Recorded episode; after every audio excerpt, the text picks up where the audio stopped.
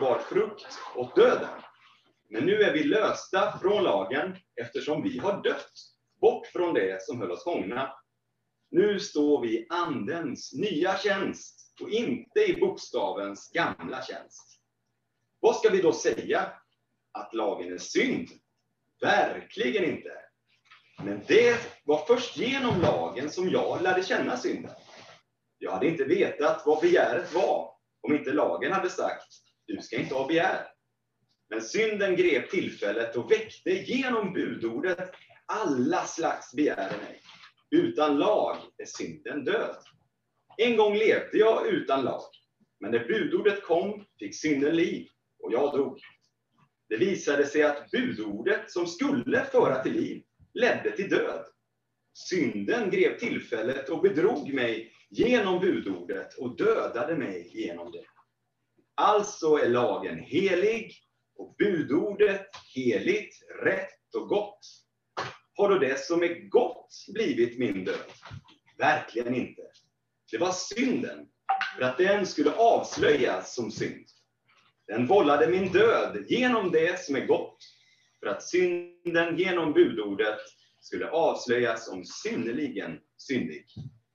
Vi vet att lagen är andlig, men själv är jag kötslig, såld till slav under synden. Jag kan inte fatta att jag gör som jag gör. Det jag vill, det gör jag inte. Men det jag hatar, det gör jag. Och om jag nu gör det jag inte vill, då erkänner jag att lagen är god.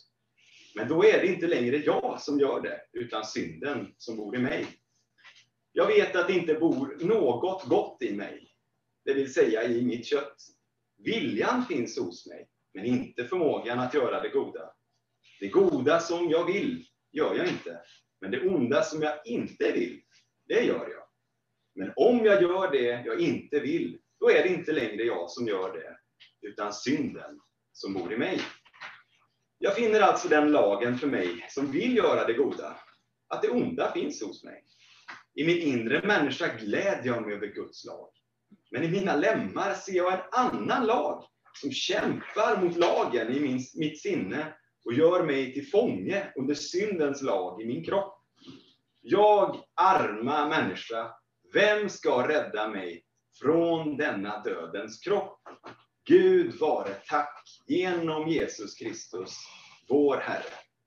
Alltså tjänar jag själv med mitt sinne Guds lag, men med köttet tjänar jag syndens lag. Tack Gud för ditt ord. Tack för ditt evangelium. Halleluja. Tack att vi har dött tillsammans med dig Kristus, bort ifrån syndens slaveri och vi har också dött bort från lagen. Vi står inte längre under lagen, utan vi står under nåden. Tack att du ska tala till oss nu under den här korta tiden vi har tillsammans. Be att du öppnar våra hjärtan för det du vill säga genom ditt ord. Smörj mig, ber om din smörjelse och jag ber om din smörjelse över var och en av oss. Vi är inte ute efter kunskap i sig, men vi ber att du ska förvandla oss, Herre. Genom förnyelsen av våra tankar. Halleluja, metamorfos. Vi vill inte längre vara de samma, utan att du ska göra ett verk i våra hjärtan. Genom ditt ord, genom din Ande. I Jesu namn ber vi. Amen. Halleluja. Vi är mitt inne i en undervisningsserie om Romarbrevet 3 till 8, för er som inte vet det. Och eh, när vi började prata om detta, då, då var det frågade om ja, vem skulle vilja undervisa om Romarbrevet 3, 4, 5, 6, 7, 8. Så tänkte jag, aj, aj, aj, bara det inte blir Romarbrevet 7, för det verkar krångligt. Men så, så tänkte jag, jag kände ändå på mig att det skulle bli jag som skulle undervisa om detta. Så jag såg ändå lite fram emot att ja, men det kommer kanske bli jag som ska undervisa om Romarbrevet 7 ändå. Och eh, det blev det. Undan för undan var det olika personer. Eh, Vänster och, och diakonerna de säger ja, men jag skulle kunna undervisa om detta och jag skulle kunna undervisa om detta. Och till slut var det jag kvar och kvar fanns det även Romarbrevet 7. varför? Man tänker lite Romarbrevet 7. Vi har just, om ni minns Mats undervisning förra veckan om, om synden, eller hur? Om hur synden blivit helt och hållet tagen i tur med genom Jesu kors, eller hur? Han dog för våra synder på korset och vi blev rättfärdiggjorda. Och vi dog tillsammans med honom på korset. Vi blev också begravda med honom i dopet och vi har uppstått till ett evigt nytt liv. Till ett nytt liv med Kristus. Halleluja! Halleluja. Halleluja! Vad underbart! Och då helt plötsligt så kommer Romarbrevet 7. Vad är det här för någonting?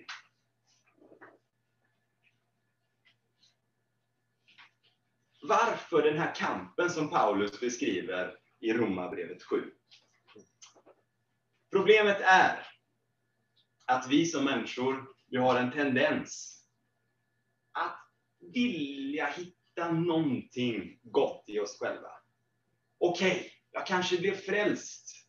Jag kanske blev rättfärdiggjord på grund av vad Jesus gjorde, men nu är det ju dags att tjäna Gud och nu är det ju dags att bli helgad. Och då måste det väl bero på mig ändå, va?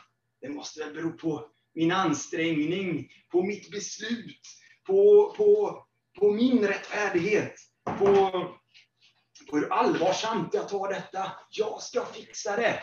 Jag ska göra det.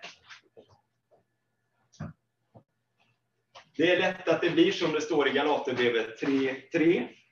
Paulus säger till församlingen i Galatien att ni som började i anden, ska ni nu sluta i köttet?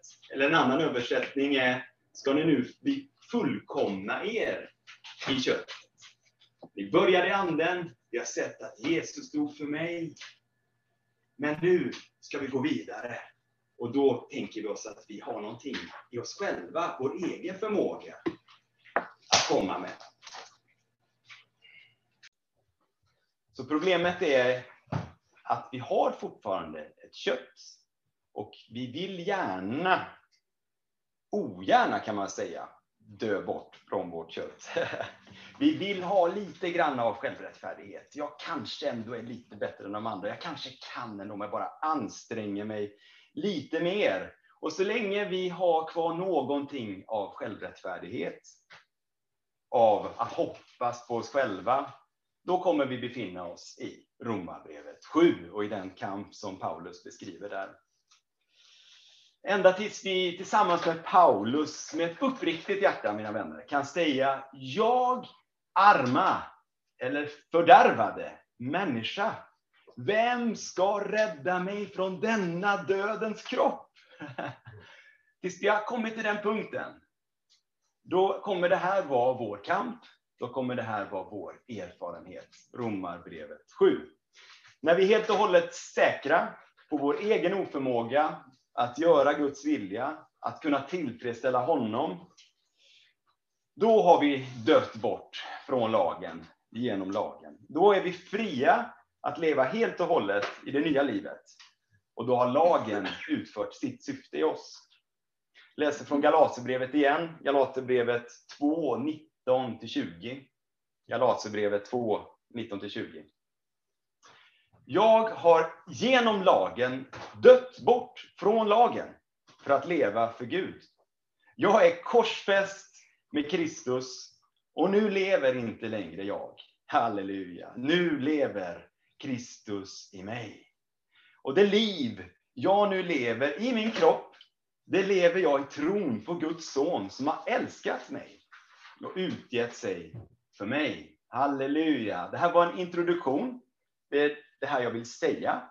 Om du inte kommer förstå någonting av det som kommer sen, så hoppas jag att du har fått med dig det jag säger här nu i början. Halleluja. Vi kan se att eh, Mats, han delade förra veckan om Romarbrevet 6. Romarbrevet 6 handlar om synden. Vi var slavar under synden, men nu har vi en ny Herre. En underbar Herre som heter Jesus Kristus. Romarbrevet 7 fokuserar på en, ett annat problem. Eh, fokuserar på lagen. Jag kommer se att vi hade ett förbund med lagen. Vi var som man jämförde med ett äktenskap där vi var gifta med lagen och lagen var den, den som var herre i det hushållet. Så vi ska prata lite grann om lagen till att börja med. Guds lag. Och eh, se lite vad säger Bibeln om lagen egentligen? Läsa några verser här. Och de här verserna faktiskt eh, från Gamla Testamentet, de har jag tagit från Nubibeln. Av någon anledning har folkbibeln översatt lagen med, eh, Guds, med undervisning istället. Men ordet på hebreiska är Tora.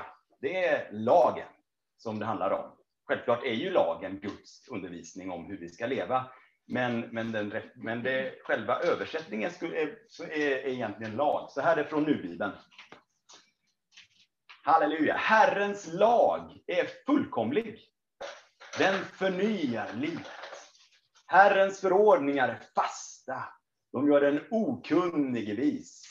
Psalm 19.8.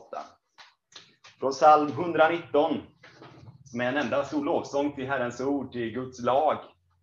95. Vad jag älskar din lag! Jag tänker på den hela dagen. Oj, där kom den.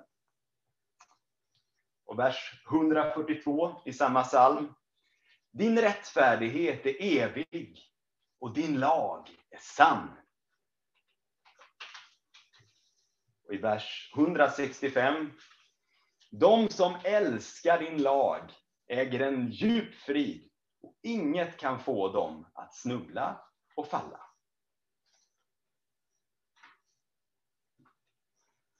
Och i vers 175 i samma psalm. Herre, jag längtar efter din räddning och din lag är min glädje.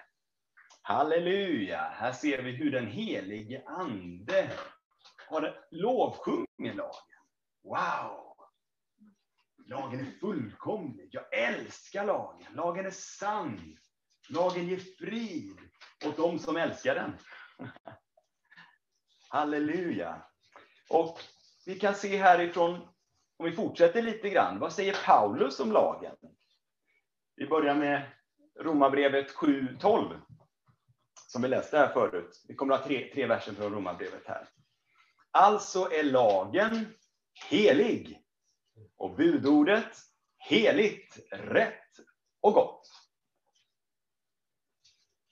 Och vi vet att, ja, det här är från vers 14, vers 14, Romarbrevet 7.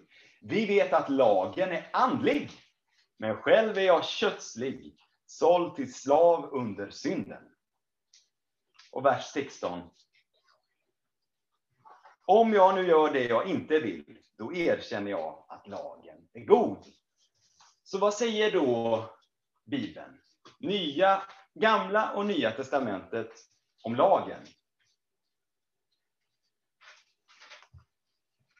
Att lagen är perfekt, lagen är fullkomlig, utan brist. Lagen är sann. Lagen är helig. Lagen är andlig. Och lagen är god. Halleluja! Tack Gud för lagen. Men varför? Vad är då problemet kan man fråga sig. Vad är problemet? Varför behöver vi bli befriade från lagen, om nu lagen är allt detta? Ett frågetecken. Vi ska se vad, vad är det för lag egentligen som, som vi pratar om här i Romarbrevet 7. Det... Oj, kom, där.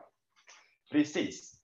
Vi kan se att det handlar inte egentligen om ceremoniallagen, alltså tempeltjänsten, alla offer som det står om i Mose lag. Allt det blev uppfyllt i Jesus och de har aldrig varit en del av, av alla människors erfarenhet. Det var för en tid och det var för ett folk. Det var för judarna. Det är inte heller en del av, man kan säga den civila lagen som handlar om hur ska samhället i den här gudsteokratin i Israel, hur ska det samhället organiseras? Det är inte heller den lagen. Ja, dödar du en, en oxe, då ska du ersätta den med si och så. Det är inte den lagen det handlar om här. Utan det är man kan säga det, Guds morallag. Det är Guds heliga, rättfärdiga krav. Vad han förväntar sig av alla människor. Judar och hedningar. Gud säger, jag är helig och ni ska vara heliga. Det här är såklart tydligast beskrivet i den skrivna lagen. I Mose lag, framförallt i tio Guds bud, men vi kan se att även hedningar som aldrig hör talas om Guds lag, Guds skrivna lag, de har ändå ett hum om, från sin egen erfarenhet, hur Gud har skapat dem, hur Gud har skapat världen. Så har de ändå en dunkel eh, uppenbarelse om vad Gud kräver av dem, eller hur? Alla människor vet någonstans innerst inne att du ska inte stjäla. Du ska inte ljuga. Du ska inte begå äktenskapsbrott. Du ska inte mörda. Va? Och vi kan läsa om detta i Romarbrevets andra kapitel. Verserna 14 till 15. För när hedningar som inte har lagen av naturen gör vad lagen befaller, då är de sin egen lag trots att de saknar lagen. De visar att det som lagen kräver är skrivet i deras hjärtan. Om detta vittnar också deras samveten och tankar som sinsemellan anklagar eller till och med försvarar dem. Och att det verkligen är så här kan vi se många exempel på i Bibeln. Bara två ska jag ge. Det första är ifrån efter syndafloden. I första Mosebok 9.6. Jag slår upp det här. Första Mosebok 9.6. Precis. Då säger Gud, och det här är ju innan Mose lag, att den som spiller människoblod, hans blod ska utgjutas av människor. För Gud har gjort människan till sin avbild. Så här har vi baserat på skapelsen, så, är, så förbjuder Gud mord. Inte bara för judarna, inte bara för de som står under Mose lag, utan det här handlar om alla människor. Gud har den här förväntan, det här kravet, för att han är helig på alla människor. Att du ska inte mörda. Ett annat exempel, kommer ni ihåg eh, Abraham? När han kom till Abimelek. Då tänkte han, det är bäst jag inte berättar att Sara är min fru, för hon är så sjukt snygg.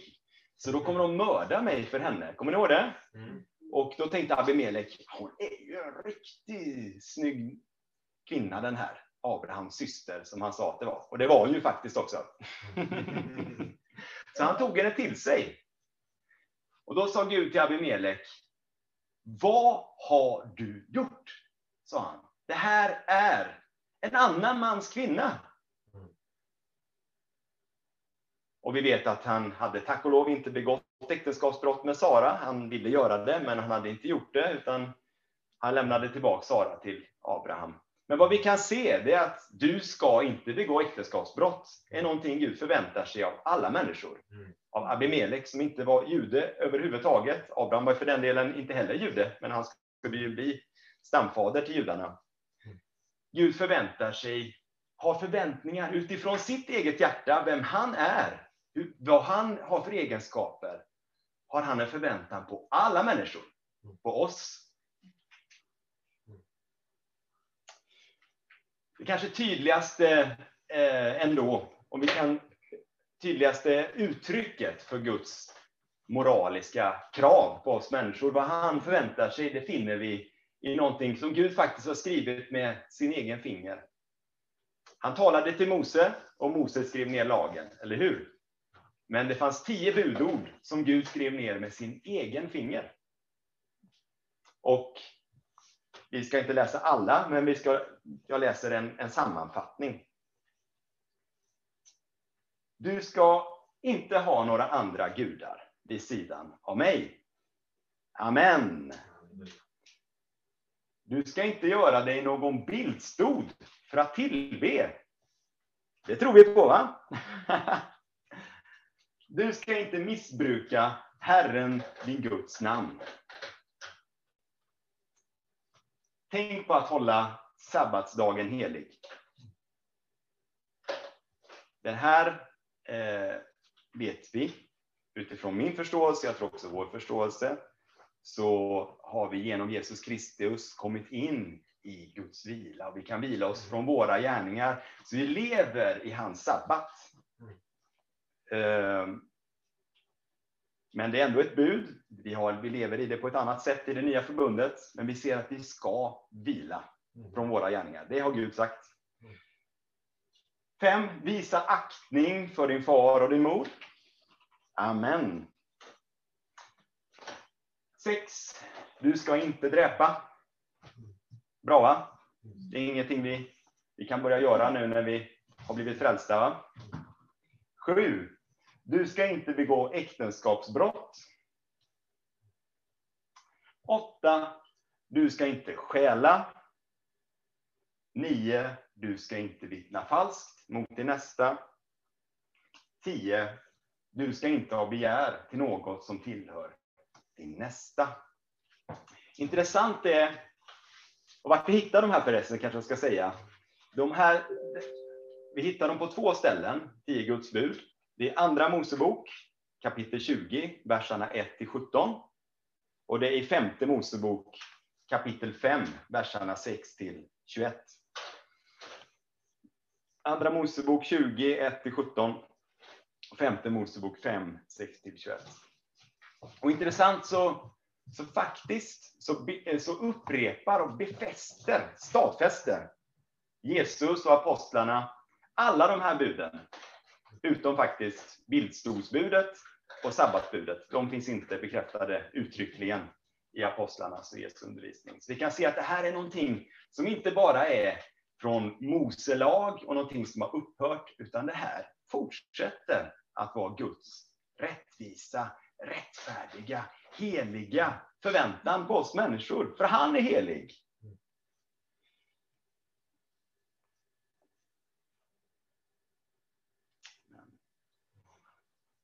Och Jesus han eh, bekräftar det även fler gånger.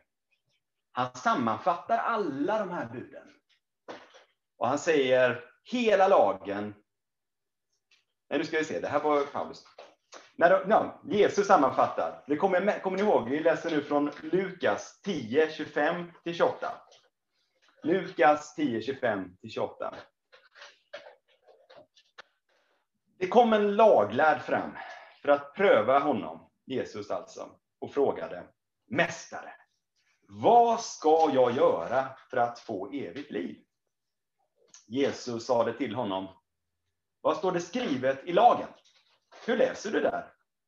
Han svarade, du ska älska Herren din Gud av hela ditt hjärta, av hela din själ, av hela din kraft, av hela ditt förstånd och din nästa så som dig själv. Jesus sade då till honom, du svarade rätt. Gör det så får du leva. Så det var en sammanfattning av hela Guds lag, hela Guds moraliska anspråk på oss människor. Älska Gud av hela ditt hjärta. Älska din nästa som dig själv. Och Paulus säger också detta i Galaterbrevet 5.14. Galaterbrevet 5.14. Att hela lagen uppfylls i ett enda budord. Du ska älska din nästa som dig själv. Halleluja. Och Jesus säger ju här, det är intressant, han säger, gör det här så ska du leva. Han visar på, okej, okay, det här är din rättfärdighet. Ska du bli, ska du leva genom lagen, så är det det här som gäller.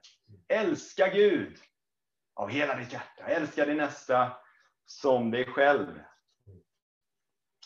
Romarbrevet 10.5 står det. Mose skriver om den, om den rättfärdighet som kommer av lagen. Den människa som håller buden ska leva genom dem.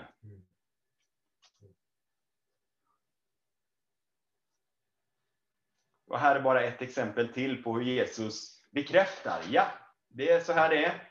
Det är så här du blir frälst, genom dig själv såklart. Han säger det i Lukas 18, 18-20. Då kom det en annan man här en högt uppsatt man som frågade Jesus, Gode mästare, vad ska jag göra för att få evigt liv? Jesus sade till honom, varför kallar du mig god? Ingen är god utom Gud. Buden kan du. Du ska inte begå äktenskapsbrott. Du ska inte mörda. Du ska inte stjäla. Du ska inte vittna falskt. Hedra din far och din mor. Halleluja. Så de här buden, de står kvar, mina vänner. Jesus säger i Matteus 5.18, jag säger er sanningen, innan himmel och jord förgår, ska inte en bokstav, inte en prick i lagen förgå, inte förrän allt har skett. Lagen kommer inte försvinna. Det är Guds eviga, heliga krav, för de är bottnade i hans eviga och heliga karaktär. Men Jesus han ägnar ganska mycket tid på att förklara vad lagen egentligen säger. För det fanns människor som tyckte att ja, allt det där har jag ju hållit sedan jag var ung. Och, Mm. ja, jag älskar Gud av hela mitt hjärta och min nästa som mig själv. Bara du inte kanske har någon annan definition av vem min nästa är då än vad jag har. Men Jesus han ägnar ganska mycket tid åt att visa att Gud, Guds krav, Guds helighetskrav går mycket, mycket, mycket, mycket längre än vad fariseerna och de skriftlärda tänkte och gjorde. De tyckte att de var rättfärdiga i sig själva. Men Jesus sa, om inte er rättfärdighet går långt över de, de skriftlärdas och fariseerna, så kommer ni aldrig in i Guds rike. Jag kan ta bara två exempel. Jesus pratar om mord. Det här är från Bergspredikan. Ni har hört att det är sagt till fäderna, du ska inte mörda. Och den som mördar är skyldig inför domstolen. Jag säger er, den som blir vred på sin broder är skyldig inför domstolen. Den som säger din idiot till sin broder är skyldig inför rådet. Och den som säger din dåre, din dumbom, är skyldig och döms. Inte till att sitta i fängelse ett år, utan döms till det brinnande Gehenna. Oj!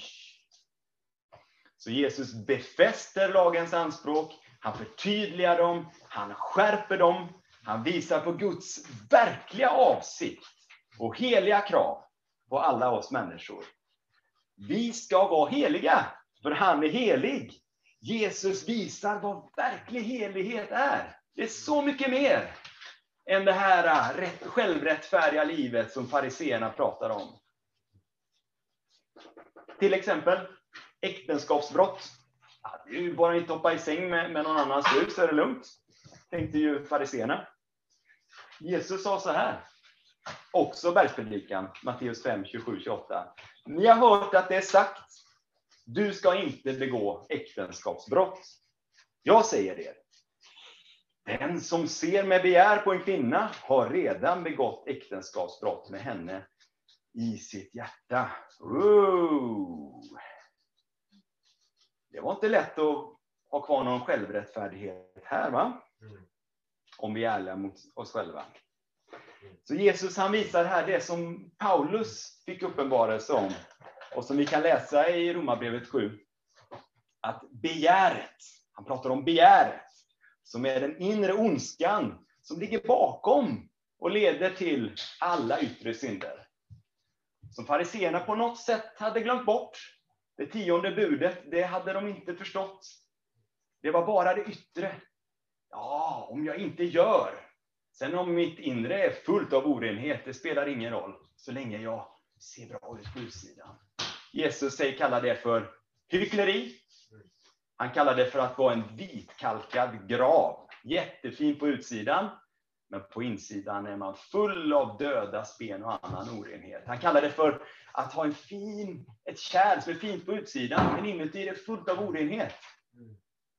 Det är inte det Gud vill. det är inte det Gud vill.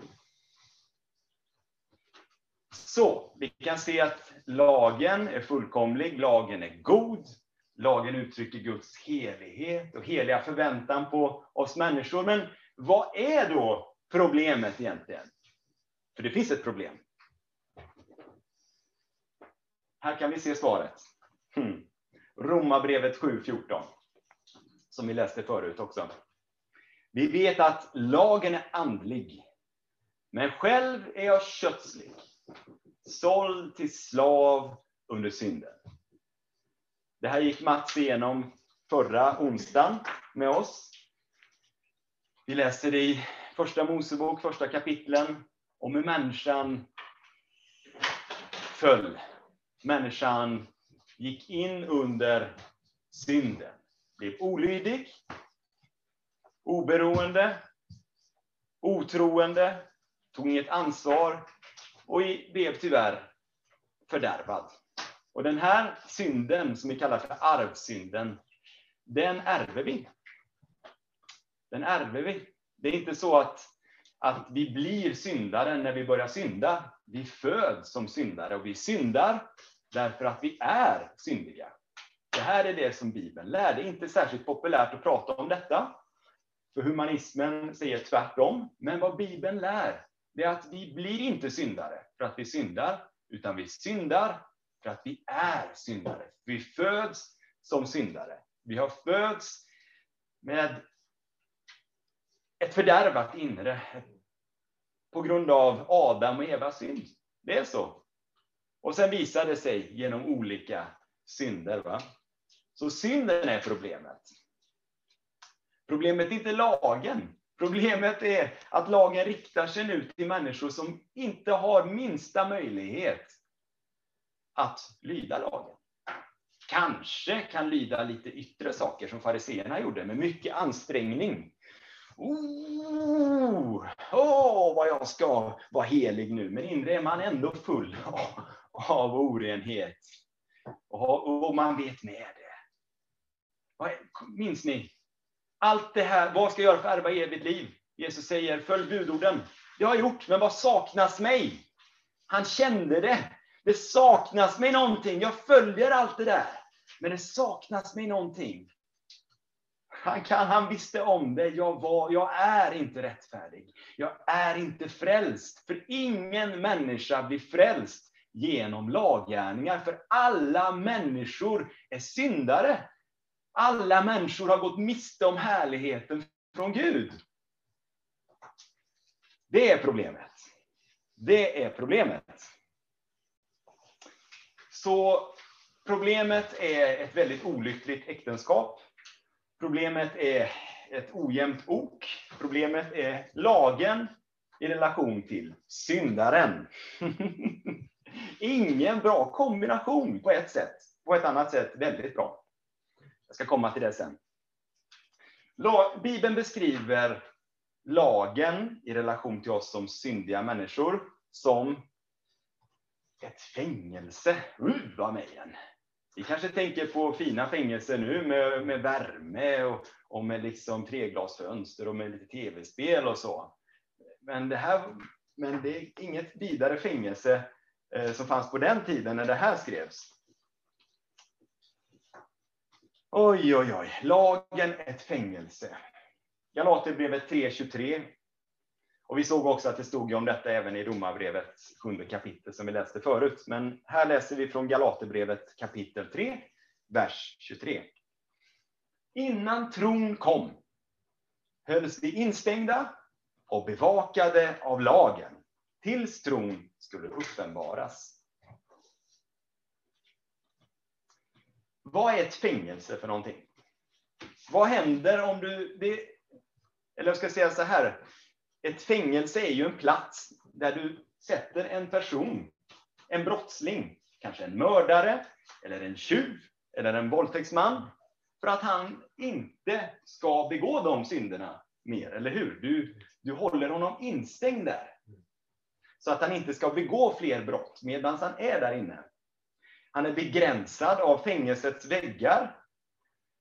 Precis som lagen genom sina budord begränsar syndaren. Säger, gör inte det, gör inte det, gör inte det. Så, så vi är han är begränsad av fängelsets väggar. Men det är inte så att, att fången älskar väggarna. Va? Fången hatar väggarna. Och han vill ut därifrån. Och så fort han kommer ut så fortsätter han att begå brott, för han är en brottsling. Ett fängelse har ingen makt att förvandla en människas liv. På samma sätt har lagen inte makt att förvandla våra liv. Lagen beskrivs som ett fängelse, håller oss i schack, håller koll på oss lite grann. Men lyckas inte ta itu med roten till problemet, som vi pratade om förra veckan, eller förrförra var det väl. Lagen kan förhindra, möjligtvis, och kan förhindra vissa yttre synder. Du kanske då, om du verkligen anstränger dig, du är en religiös person, du tar på allvar vad skriften säger. Om du är jude eller kristen så är det samma princip. Jag, är, jag ska nu göra det här. Jag ska inte begå några äktenskapsbrott. Jag ska inte stjäla. Jag ska inte ljuga. Jag ska fasta två gånger per vecka. Jag ska följa det här och det här. Men den har, ger dig ingen kraft att förvandla ditt inre. Du fortsätter att vara syndig inuti. Mm. Den ger ingen seger. Den ger ingen nåd.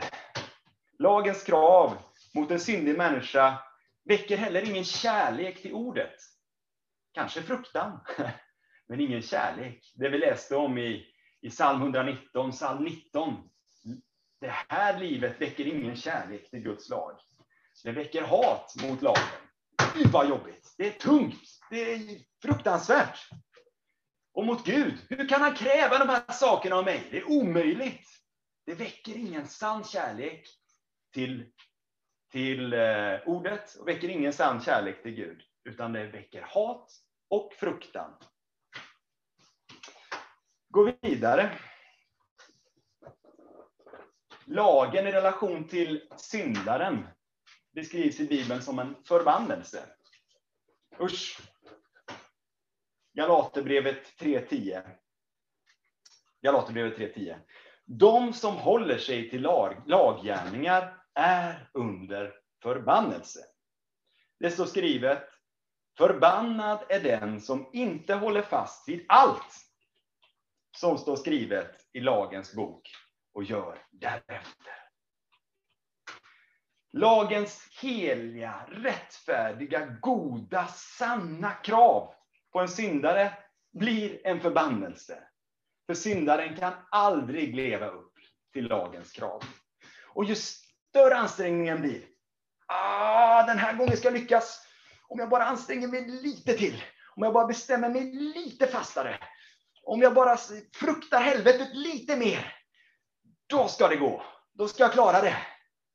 Ju större ansträngningen är, desto värre blir självfördömelsen när du faller. Åh, oh, så fruktansvärt! Hur kunde jag falla igen? Villrådigheten, förtvivlan hos syndaren. En förbannelse. Vi kan se att lagen ger insikt om synd. Romarbrevet, nu ska vi se. Nej, vad hände? Där. 3.20. Romarbrevet 3.20. Ingen människa förklaras rättfärdig inför honom genom laggärningar. Vad som ges genom lagen är insikt om synd. Vi, många människor de är ganska, ganska så, vad ska man säga, obekymrade. Många människor, de, det vi har pratat om mest här, är ju religiösa människor. Men många människor de är inte särskilt religiösa. De eh, tänker inte så mycket på att de är syndare. Men när lagen, när Guds, när budordet, när Guds ord träffar dem med den heliga Andes kraft, då uppenbaras vår synd. Och det här är någonting underbart faktiskt. Det är det här som står om att, att helige Ande, han ska överbevisa världen om synd. Och han behöver göra det. Vi behöver förstå att vi är syndare för att bli frälsta. Så lagen ger insikt om synd. För vi får, vi får höra vad Gud vill och vi ser att vi klarar inte av att, att eh, göra det här i oss själva. Så vi blir medvetna om, oj, jag är, jag är inte alls en bra människa. Tyckte att jag var bra när jag jämförde mig med alla andra, men i alla fall några. Inte, inte de bästa, men bättre än medel kanske. Hyfsat bra. Men nu när jag jämför mig med Gud själv, med Guds standard, då ser jag att hjälp, jag är syndig. Mm. Hjälp, vad ska jag göra? Så lagen ger insikt om synd. Men det finns faktiskt någonting värre än detta, en insikt om synd. Det här är, det här är liksom dödsstöten för oss som syndare. Det står att lagen inte bara ger insikt om synd, så att lagen uppväcker synden. Synden får liv. Lagen uppväcker begären. Vilken fruktansvärd sanning om oss. står så här i Romarbrevet 7.5. Så länge vi levde i köttet var de syndiga begären som väcktes genom lagen verksamma i våra kroppar så att vi bar frukt åt döden. De syndiga begären väcktes genom lagen. Och i vers 7. Men synden grep tillfället och väckte genom budordet alla slags begär i mig. Utan lag är synden död. Så det är inte så att lagen bara visar oss att det inte räcker till. Ja, vi är otillräckliga som människor. Ja, det är vi också.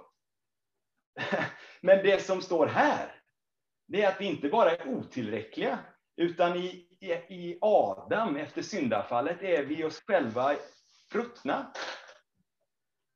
Det är den slutsats vi måste dra. Mm. Gud säger till dig, gör det. Och du säger du, jag ska försöka, jag ska försöka. va? Och så lyckas du inte riktigt. Då är man otillräcklig. Men det som står här, att Gud säger till dig, gör det. Och i ditt hjärta blir du mer och mer sugen på att göra precis tvärtom. Mm. Precis tvärtom. Vi som är föräldrar, vi kan vittna om att Bibeln är sann. om ni har ett barn de kan vara jättegoda ofta, de är underbara, de är Guds skapelser, de är skapade av Gud, och det är vi alla här. Men det här upproret mot Guds auktoritet, som finns, som också uttrycker sig i föräldrarnas auktoritet, finns hos barnen. Vi som har barn kan veta om detta allihop. Har ni tänkt på det att ah, ni märker att ert barn, han är, han är lite sådär, verkar som han inte är så liksom lydig just nu, men det händer inget, man kan inte vara riktigt säker. Det är bara det att han gör allting väldigt långsamt eller tar lite omvägar eller är omständig. Hur får vi reda på vad som finns i hjärtat? Man ger en tydlig order, eller hur? Kom nu! är barnet underordnat till freds där han ska vara, så kommer barnet. Mm. Men så många gånger har vi märkt när du ger en tydlig order, då kommer det fram vad som verkligen finns i hjärtat. Nej! Nej! Så är det med Guds lag. Så är det med Guds ord i relation till oss som syndiga människor. Det visar oss vilka vi verkligen är. Vi är inte sådär lite halv, eller liksom mysigt smågoda som vi tror att vi är. Nej! Inte inför Gud. Inte inför Gud. Inte inför Guds standard, Guds helighet. Till och med väcker det upp begär i oss att göra precis tvärtom. Så vad, vad lagen verkligen vill göra i oss, tror jag kommer till det nu, är att döda oss. Ja! Yes! Döda oss! Döda oss. Inte oss kroppsligen, men döda egot, döda självrättfärdigheten, döda självtillräckligheten, döda vår vilja att kunna klara av på egen hand. Ja, för att om vi förstår och ser och får erfarenhet av att det inte bara inte räcker upp till Guds krav, utan Guds lag väcker upp begär inom mig Ja, det visar mig att jag inte bara är, behöver 5% nåd. Jag behöver 100 nåd. Mm. Det är inte så att ja, jag klarar av ungefär 95% av vad Gud vill själv. Och de här sista fem procenten, de får jag nåd för. Då behöver jag be Gud om nåd. Gud, förlåt mig att jag inte klarade av precis allt du önskar av mig. Eh, de här fem procenten, de ber jag nåd för, men de här 95 procenten, de, de klarar jag av. Nej! Nej! Då är du kvar i Romarbrevet 7. Du har kvar din egen rättfärdighet. Gud, lagen vill föra oss till den punkt. Och det här är inte bara lagen. Det här är lagen genom den helige Andes övernaturliga verk. Vill visa oss att vi behöver 100% nåd. Du klarar inte ens det du tror att du klarar. Du behöver nåd för allt. Det är inte längre du som lever. Det är Kristus som lever i dig. Amen. Halleluja! Mm. Så det är målet. Här kommer ett långt bibelord. Jag ska bara läsa början tror jag. Romarbrevet 7, 9. Paulus säger, en gång levde jag utan lag. Men när budordet kom fick synden liv och jag dog. Vad menar Paulus med detta egentligen? Paulus, han säger själv, jag är farisé, son till fariséer. Jag är uppväxt i den strängaste inriktningen av judendom. Paulus har aldrig levt utan lag på det sättet att han inte kände till lagen. Det kan vi vara ganska så säkra på. Paulus han har fått höra lagen om och om och om och om igen från det att han var ett litet barn. Men han levde utan lag, säger han. Vad menar han med det? Han levde utan uppenbarelse om lagen.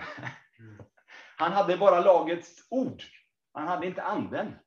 Den helige ande hade inte visat honom vad lagen egentligen begär av honom. Den hade inte väckt upp hans samvete.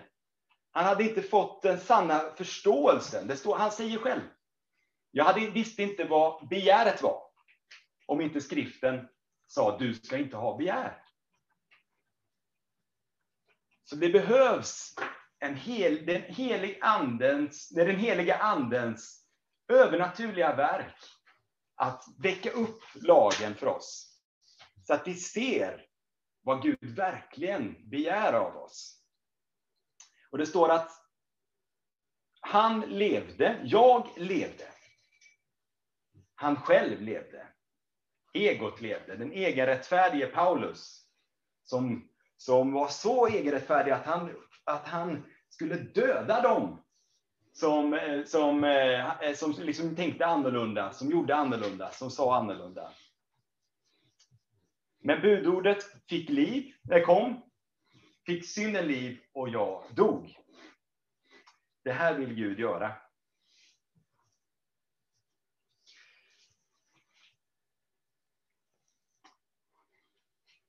Så målet som Gud har med lagen, kan man säga, det är att döda den självrättfärdige. Jesus säger, han säger att det är inte de friska som behöver läkare, utan det är de sjuka. Han säger, jag har inte kommit för att kalla rättfärdiga till omvändelse, utan syndare. Vi behöver bli överbevisade om synd, om vår syndighet, för att kunna bli frälsta och för att kunna bli befriade. Så länge vi tror att vi är friska kan inte Gud hela oss. Så länge vi tror att vi är rättfärdiga i oss själva, eller i alla fall kan bli rättfärdiga i oss själva, så kan vi inte bli fullt frälsta. Vi kan inte bli befriade. Paulus säger, Galaterbrevet 2.19. Jag har genom lagen dött bort från lagen för att leva för Gud. Jag är korsfäst med Kristus. Genom lagen har jag dött bort från lagen. Lagens, när den helige Ande uppenbarar Guds lag för oss, så för det oss till den punkten, det han vill i alla fall, är att föra oss till den punkten där vi dör från vår egen Eh, och dör på det sättet att vi blir 100% svaga i oss själva. Mm. Jag vet nu att jag kommer inte klara av att behaga Gud. Mm. Jag försöker inte ens längre i mig själv.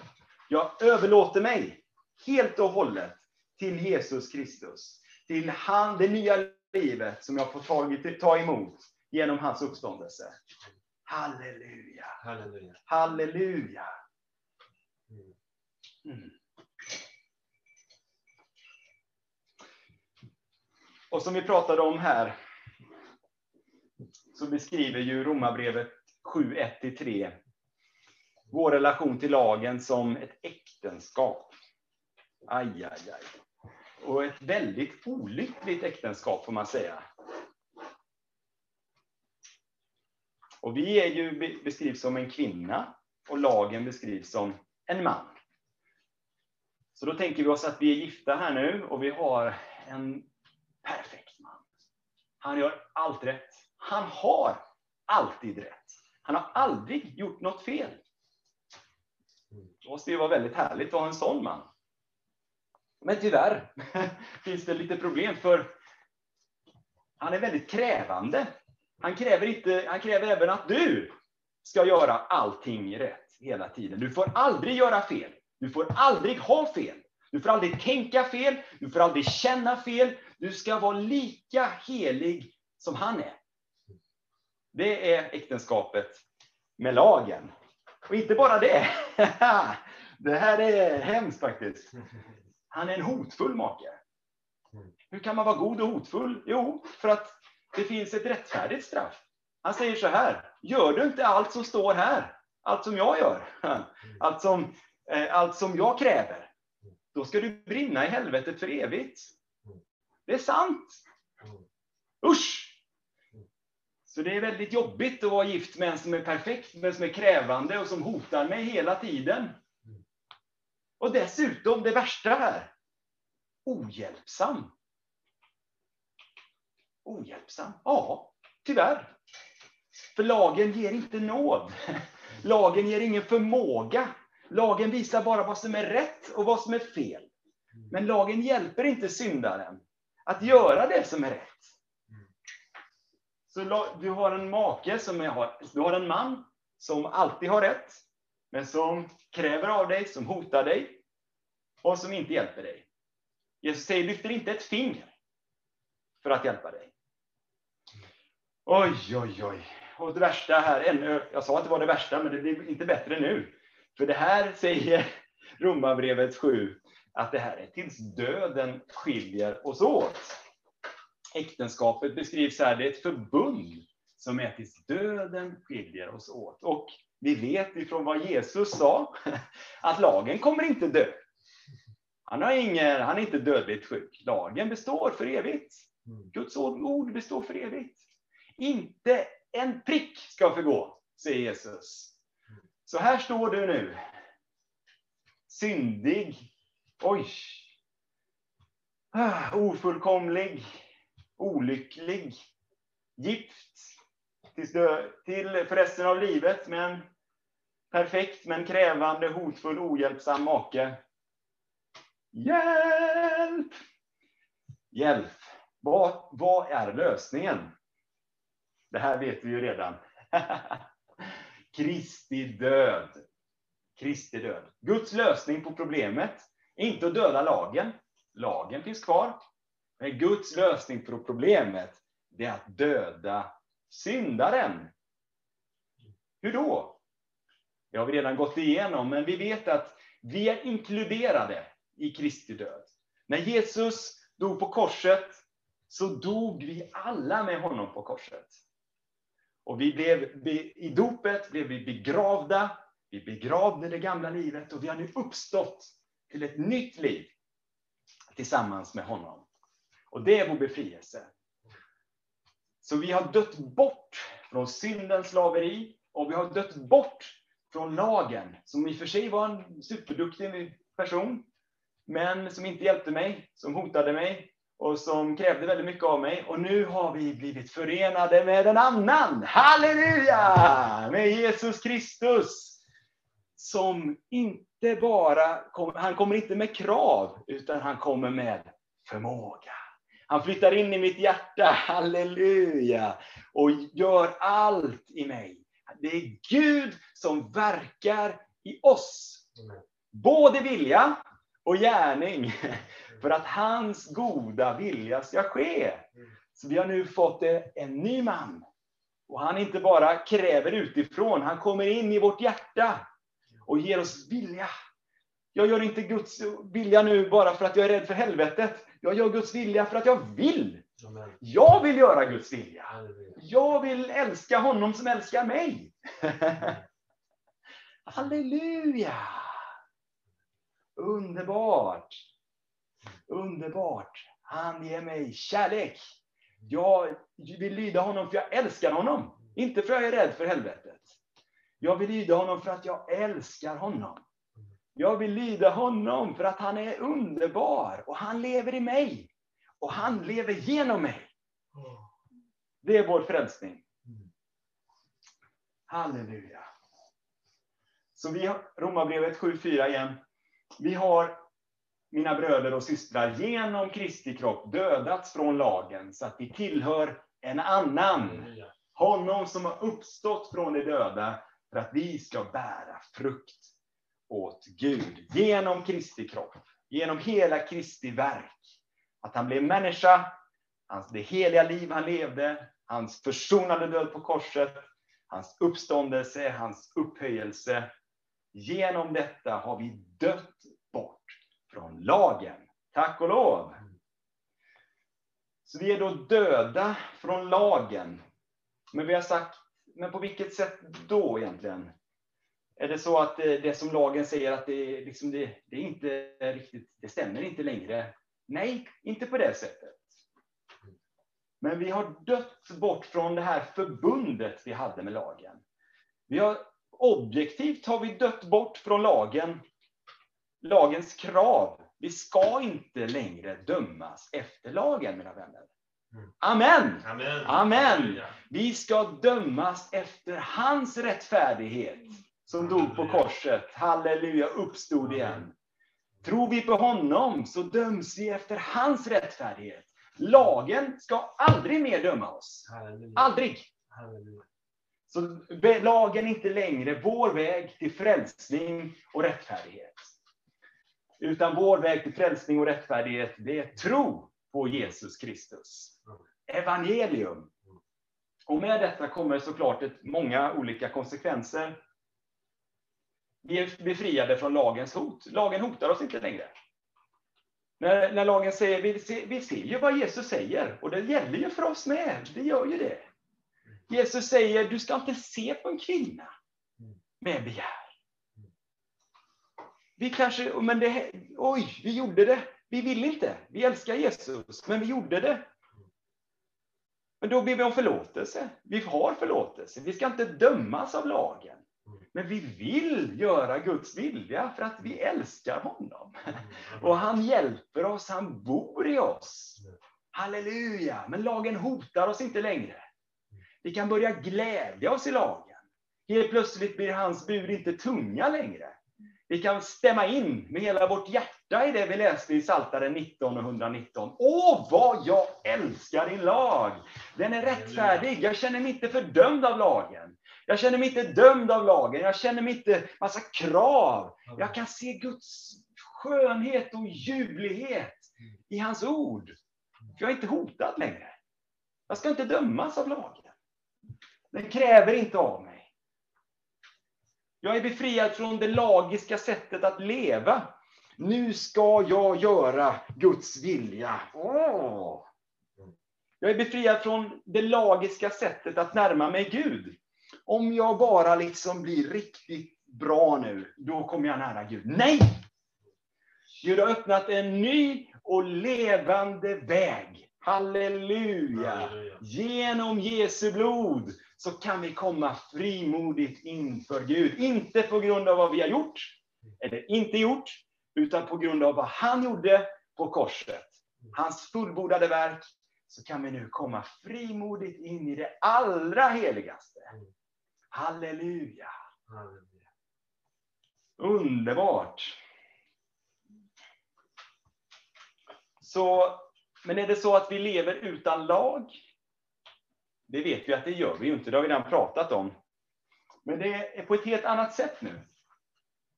Vi läser i Hebreerbrevet 10.16. Hebreerbrevet 10.16. Detta är det förbund som jag efter denna tid ska sluta med dem.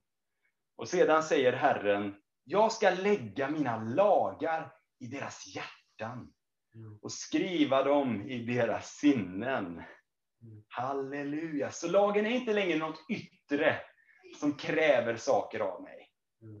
Lagen har vi nu. Det är alltså Guds heliga vilja, tankar och- sinne har vi nu i vårt eget hjärta. Vi gör inte Guds vilja längre för att vi måste, för att slippa komma till helvetet, utan vi, eller för att kom, försöka göra Gud nöjd, utan vi gör Guds vilja för att vi älskar honom, för att vi nu vill göra hans vilja. Vi är inte längre slavar under synden eller lagen. Vi är Gud faders älskade barn. Och därför vill vi lyda honom och tjäna honom med glädje. Halleluja. Jesus han kopplar bud med kärlek. Vi kan se det som, som inte funkar i det gamla förbundet, där lagen kräver Jesus han kopplar buden med kärlek. Han säger i Johannes evangeliet 14.15. Om ni älskar mig, då håller ni fast vid mina bud. Och eh, Johannes, eh, lärjungen Johannes säger i första Johannesbrevet 5.3. Detta är kärleken till Gud, att vi håller hans bud och hans bud är inte tunga.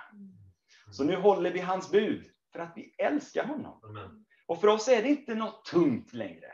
Mm. Lagens ok var tungt. Uh, vad jobbigt det var. Men nu är det inte längre något tungt. Det är inte längre förknippat med någon fruktan. Vi kan tjäna honom utan fruktan för straff. Utan det är någonting vi gör med glädje. Halleluja. Med glädje och vad vi redan har pratat om, men som Jesus säger i, i Johannes 14, 16-17. Han talar om att han inte bara, inte bara har vi blivit av med det här hotet, med det här eh, fruktan, med kravet, utan han har gett oss sin ande, sin hjälpare. Han säger här att jag ska be Fadern och han ska ge er en annan hjälpare som ska vara hos er för alltid. Sanningens ande. Världen kan inte ta emot honom, för världen ser honom inte och känner honom inte. Ni känner honom, för han förblir hos er och ska vara i er. Han har gett oss sin ande som ger oss kraft och nåd och förmåga och vilja att göra hans vilja. Hans lag är på det här sättet skriven i våra hjärtan. Mm. Så vi kan se att eh, Romarbrevet talar om två olika förbund, två olika sätt att leva. Det kan beskrivas som lagens förbund, som är, och nådens förbund. Och det handlar antingen om min rättfärdighet eller Kristi rättfärdighet. Mina gärningar eller Kristi fullbordade, utförda verk. Halleluja. Det handlar om, i det nya förbundet, och också, vi pratar lite mer om detta med förbund, så har vi dött bort från lagen och vi lever, tillhör nu en annan. Så det här är två icke-kompatibla system. Vi kan inte blanda de här två. Antingen så är det min rättfärdighet, eller så är det Kristi rättfärdighet. Antingen är det mina gärningar, eller Kristi verk. Mm.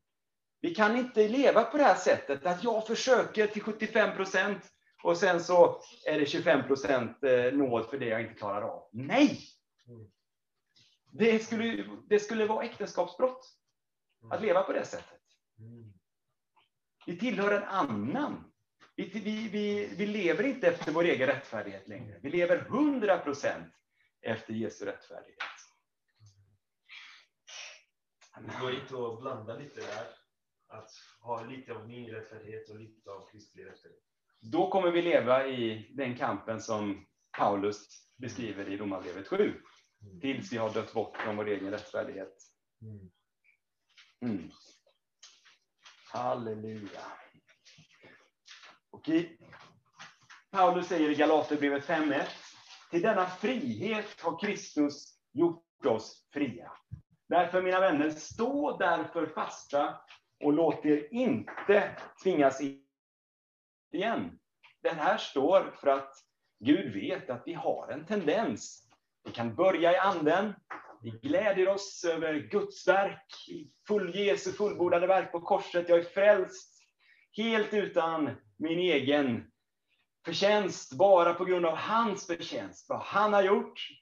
Men så tänker vi kanske, ja, men nu när jag ska bli, göra Guds verk och nu när jag ska bli helgad, då måste det väl ändå bero ganska mycket på mig. Men då säger ordet nej.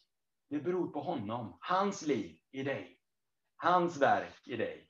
Och vad vi behöver göra är att vi behöver överlämna oss själva till honom. Jag tänker på, det finns en sång som heter Klippa du som brast för mig. Det är ingen här som är gammal nog tror jag för att eh, ha levt när den skrevs. Men eh, den uttrycker den här kampen på ett underbart sätt. Det här är vers 2. Med min fromma strävan jag, jag aldrig fylla kan din lag. Om jag ej i nit blir matt, om jag gråter dag och natt, står dock syndens fläckar kvar.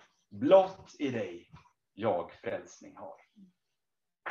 Halleluja. Amen. Så det är Guds vilja med oss. Att vi ska tappa tron på oss själva. Mm. Och överlämna oss själva helt och hållet till Jesu nåd, till Guds nåd, Jesus. Kristus. Att vi ska säga med uppriktigt hjärta, det är inte längre jag som lever, utan det är Kristus som lever i mig. Jag, arma människa, vem ska rädda mig från denna dödens kropp? Gud vare tack för Kristus Jesus. Halleluja. Amen.